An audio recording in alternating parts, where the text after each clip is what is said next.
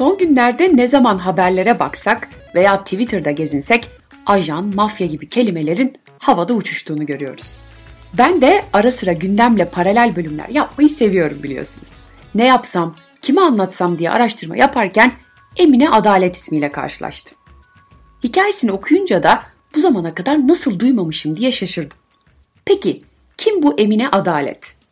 Kendisi Türk Mata Hari lakabıyla bilinen Türkiye Cumhuriyeti'nin muhtemelen ilk kadın ajanlarından biri. Hatta birçok kaynağa göre de ilk Türk kadın ajan. Lakabı dansçı kimliğiyle Almanya adına ajanlık yapan ünlü Mata Hari'den geliyor. Kendisinin hikayesi de biraz benzerlik taşıyor. Emine Adalet de 1930'lu yıllardan itibaren dans ve oyunculuk kariyerini Almanya'da devam ettirirken Türkiye adına ajanlık yapıyor. Hazırsanız bu ilginç yaşam öyküsünün detaylarına hep birlikte inelim. Emine Adalet 29 Şubat 1910 tarihinde İstanbul'da doğuyor. Küçük yaşlarından itibaren dansa oldukça meraklı ve günün birinde dünyanın en ünlü dansçılarından biri olma hayalini kuran bir isim. Ortaokul yaşlarından itibaren Anadolu'ya turne yapan çeşitli tiyatrolara katılıyor. Hazım Körmükçü'den ud dersleri alıyor. Sonrasında Türkiye'ye dans hocalığı yapmak için gelen Harry P ile evleniyor. Çift Anadolu'yu karış karış gezmeye devam ederken Tahir Tiyatro Topluluğu'nun Konya'daki turnesi sırasında Mustafa Kemal Atatürk ile tanışıyorlar. O dönemi kendisiyle yıllar sonra yapılan bir söyleşi de şu şekilde anlatıyor.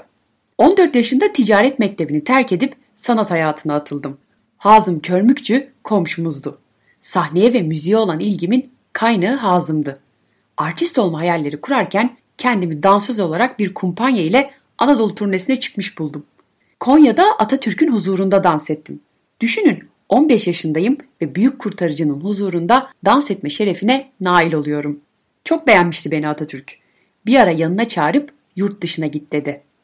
Hayalleri oldukça büyük olan Emine Adalet bir süre sonra tabiri caizse Türkiye'ye sığamıyor. Önce Beyrut ve Kahire'de ardından da Almanya'da yaşamaya başlıyor. Gittiği ülkelerde de hayallerinin peşinden giderek dans etmeye devam ediyor.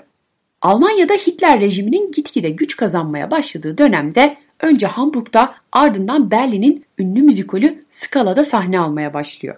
Burası sirk gösterilerinden dans şovlarına, tiyatro oyunlarından müzik dinletilerine kadar birçok sanatsal etkinliğin gerçekleştirildiği bir müzikol. Fakat o dönemin Almanya'sındaki en önemli özelliği Nazi subaylarının da eğlenmek için uğrak yerlerinden biri olması. Hatta bir gece iki Nazi subayı Emine Adalet'in yanına gelerek Hitler'in sağ kolu olarak bilinen ve propaganda bakanlığı yapan Göbels'in kendisini görmek istediğini söylüyor. Adalet teklifi kabul ederek malikaneye gidiyor. Bu buluşmada Göbels Emine Adalet'in Almanlar adına casusluk yapmasını istiyor. Planı da kendisini Amerika'ya göndererek orada Türk dansözü kimliğiyle Amerikan istihbaratının içerisine sızmasını sağlamak. Fakat Adalet teklifi düşüneceğini söyleyerek malikaneden hızla ayrılıyor. Hayatı boyunca da hiçbir zaman Almanlar için çalışmıyor. 1942 yılına kadar da öğrendiği her şeyi anında Ankara'ya bildiriyor. Sahne haricinde birçok Alman filminde de dansçı olarak yer alıyor. Filmler sayesinde ünü gitgide daha da artmaya başlıyor. Almanya'nın yanında birçok farklı ülkede de sahneye çıkıyor. Viyana'da Femina Bar'da, ardından Paris'te Tabarin Bar'da ve New York'ta French Gazino'da sanatını sergiliyor.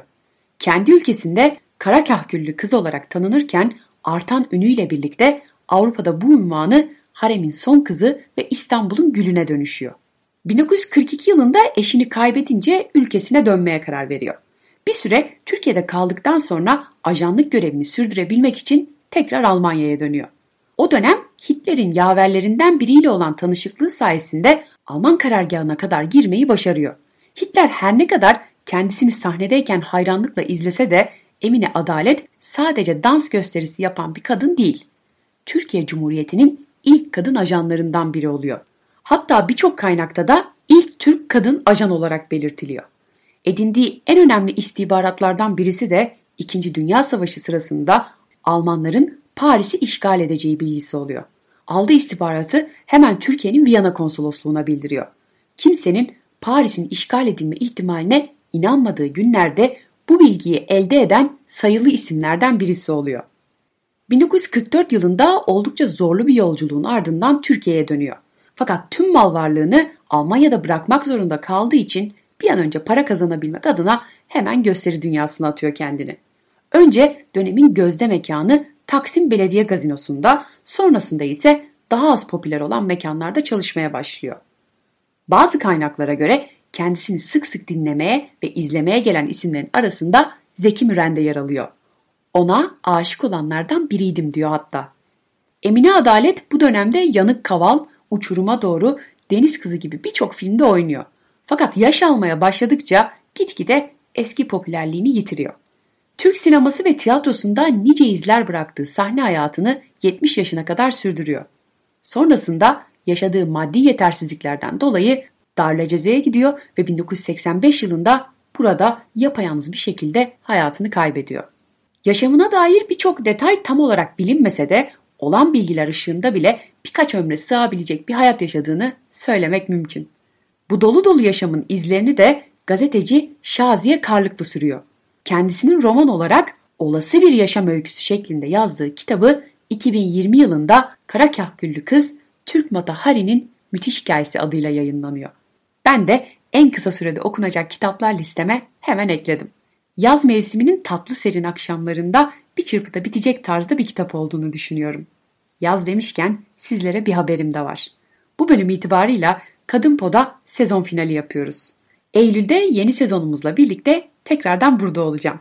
Umuyorum sizler için dinlerken keyiflendiren, aynı zamanda da düşündüren bir sezon olmuştur. 34 bölüm boyunca Yeni Zelanda'dan Pakistan'a, Mısır'dan Türkiye'ye, Afrika'dan Avrupa'nın çeşitli ülkelerine ve Amerika'ya kadar birçok farklı coğrafyaya ve zaman dilimine gittik.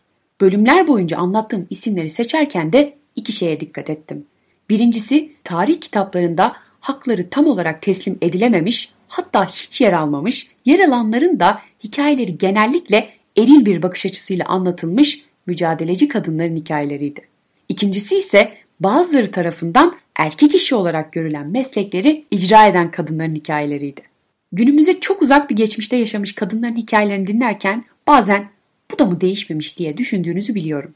Çünkü ben de araştırmalarımı yapar ve bölümleri hazırlarken çoğu zaman kendime bu soruyu soruyorum. Fakat şunu da biliyorum ki ne kadar çok kişi bu soruyu sorarsa bir şeyleri değiştirme gücümüz o kadar artacak. Kadın bot bir kişiye bile bu soruyu sordurabiliyorsa amacını gerçekleştiriyor demek oluyor aslında. Umuyorum güç ya da ilham almak isteyen herkese bir şekilde ulaşıyor ya da ulaşacak. Özellikle kadın dinleyicilerime bu anlamda bir katkı verebiliyorsam, erkek dinleyicilerime de eşitlik mücadelesi konusunda farkındalık kazandırabiliyorsam ne mutlu bana diyorum. 34 bölüm boyunca benimle birlikte olduğunuz için çok teşekkür ederim. Bu sefer aramız biraz uzun ama kapanışımız aynı olsun. Bir sonraki bölümde görüşmek üzere.